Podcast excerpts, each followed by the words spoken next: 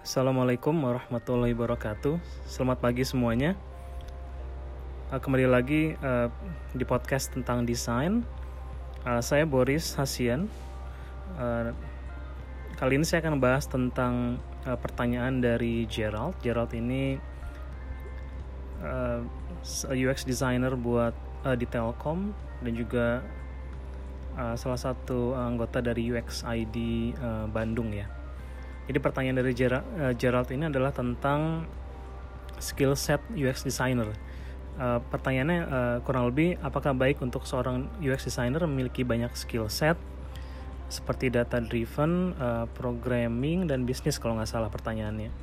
Jadi uh, untuk menjawab ini bisa jadi beda-beda tergantung company-nya gitu ya skill set yang dibutuhkan. Tapi kembali lagi ke uh, yang sempat saya dibahas di podcast yang episode pertama tentang apa sih definisi inovasi itu?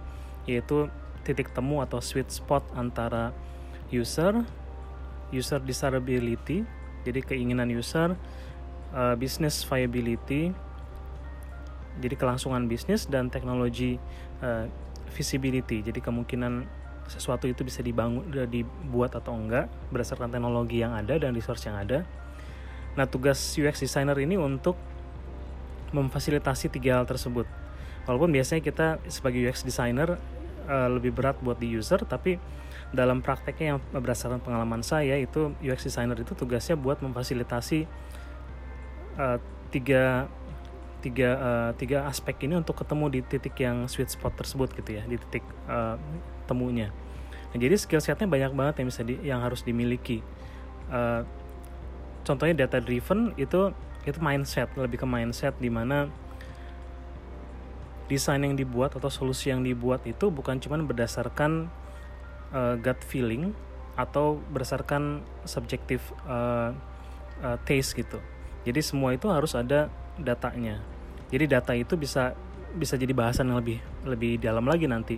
Kalau setiap uh, data itu bisa di ada yang namanya kualitatif, ada kuantitatif. Jadi kayak misalnya uh, uh, apa namanya uh, research atau uh, interview dengan users itu masuk kualitatif dan bisa disebut data juga. Kemudian kalau kita mau melihat misalnya kita buat aplikasi, kemudian kita pengen ngelihat uh, apa namanya uh, click through-nya atau berapa banyak orang yang uh, selesai misalnya kalau e-commerce selesai uh, menambahkan barang ke basket atau selesai uh, transaksi dan barangnya berhasil dikirim. Nah itu uh, data yang biasanya sebutannya kuantitatif. Jadi sebagai UX designer penting buat uh, punya mindset data driven. Jadi keputusan yang dibuat itu ada datanya.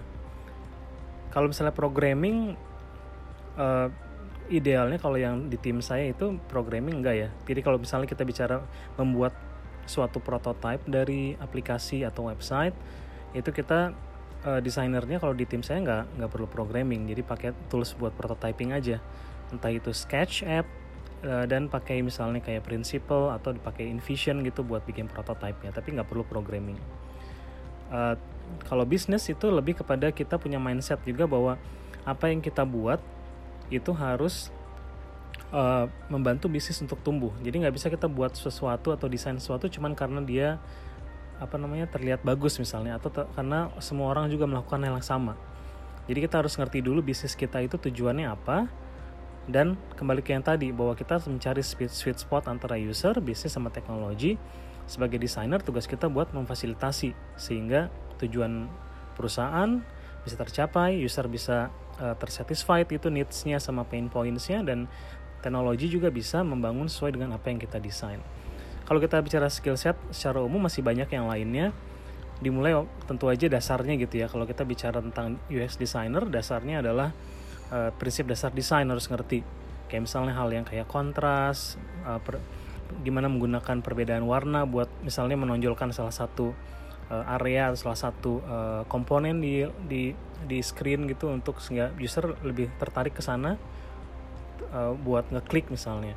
Uh, jadi itu hal dasar yang harus dimiliki uh, mengerti prinsip dasar desain Uh, dan uh, skill set ini juga tergantung levelnya. Jadi kalau misalnya kita baru misalnya fresh graduate atau baru entry level ke desain yang lebih fokusnya lebih ke uh, tactical istilahnya, jadi lebih penting buat mengerti tools kayak uh, Sketch atau Photoshop atau uh, prototyping.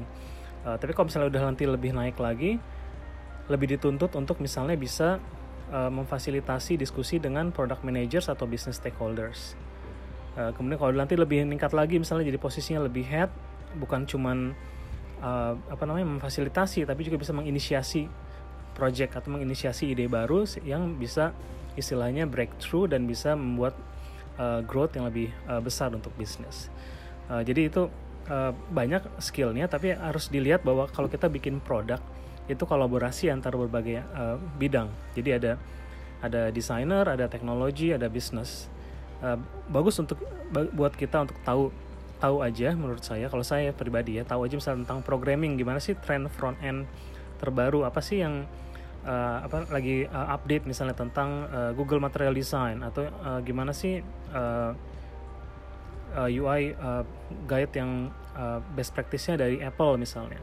Tapi kita nggak perlu tahu detailnya gimana cara buatnya karena itu uh, nggak penting dan kita punya lebih banyak apa uh, hal yang lebih kritikal uh, gitu ya buat kita kerjakan sebagai desainer. Misalnya mengadakan research buat mencari tahu apa sih sebenarnya masalah sebenarnya dari user atau gimana sih sekarang uh, orang menggunakan produk kita apa yang mereka uh, keluhkan pain pointsnya di mana kemudian kita coba improve uh, dan uh, sebagainya gitu. Jadi uh, coba di balance antara skill yang benar-benar kritikal buat kita sebagai desainer dan cuman sekedar uh, good to know aja. Jadi nggak perlu tahu segala macam karena kita nggak bakal punya waktu yang cukup buat belajar segala macam dan kalau kita pengen uh, kolaborasi dan itu di, di mana banyak produk inovasi terba uh, yang terbaik itu emang hasil dari kolaborasi dengan pihak lain. Jadi kita uh, apa namanya harus bisa me, me, mencari balance-nya gitu ya. Uh, yang apa perbaiki dan improve skill sebagai desainer yang yang krusial uh, kemudian kolaborasi dengan yang lain buat deliver produk yang benar-benar uh, memuaskan users dan membantu bisnis juga. Jadi itu dulu mungkin nanti ada ada diskusi lain lagi. Silakan uh, terima kasih. Uh, wassalamualaikum warahmatullahi wabarakatuh